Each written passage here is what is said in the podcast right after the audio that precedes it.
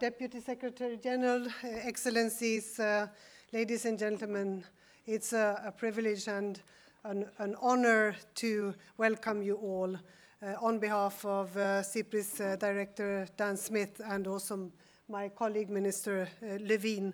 Uh, welcome to Stockholm and to this third iteration of the Stockholm Forum on Security and Development.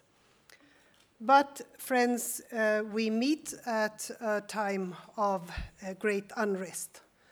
Developments in Syria, Burundi, Sudan, Afghanistan, and Europe, where some are investing in buying blankets and others are buying all the barbed wire, are symptoms of a world order that has failed in its main task, and that is to provide safety and security for all. Currently, 125 million people have been forced to leave their homes due to wars and natural disasters. And this is the equivalent of the, the 11th most populous nation on earth. More than uh, 25 billion US dollars has been spent on life saving humanitarian assistance. And while this amount is 12 times greater than 15 years ago, never before have levels of gener generosity been so insufficient. In 2015, global leaders committed to leaving no one behind. The 2030 Agenda is a pledge of solidarity between people, societies, and nations. Its promise lies in the recognition that peace security, climate change, and development are closely interlinked. Unfortunately, many humanitarian appeals remain unanswered. Nevertheless, the solution to violence cannot be and is not humanitarian aid alone. The solutions must be political. Political problems require political solutions. And I would like to touch uh, shortly upon four key elements.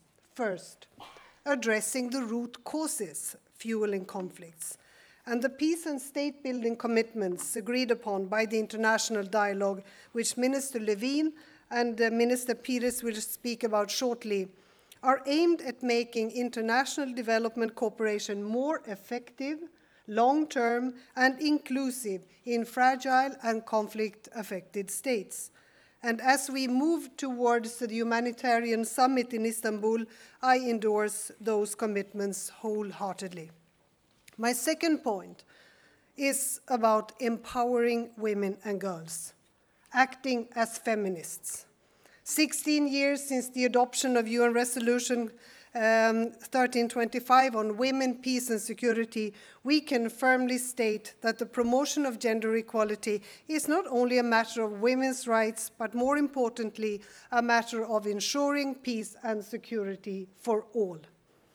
My third point is about making conclusive, inclusive, and sustainable peace. Almost half of all peace agreements fail within five years and fragile st states are the ones most likely to relapse into conflict. And this is partly the result of flawed peace processes. A successful peace process is not only a matter of reaching a ceasefire, it is also a matter of justice, education, health, reconciliation, and fair distribution of resources. No warlord can achieve this. A sustainable peace process lays the foundation for resilient institutions that promote economic, political, and social emancipation for all.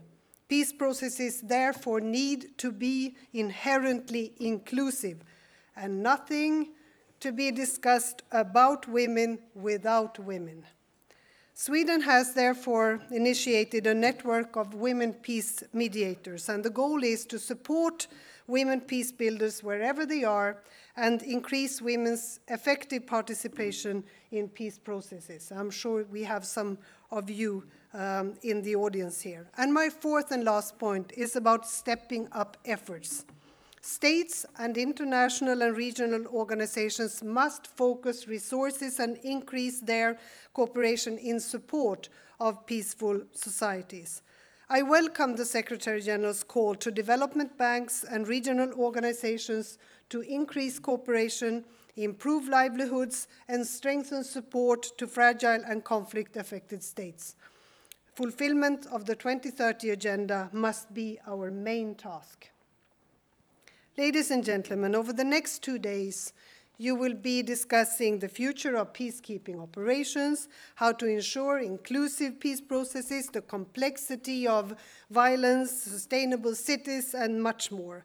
And I am sure that these discussions will uh, assist us in advancing sound policy and ensuring that no one is left behind. Thank you again, and a warm welcome to all of you.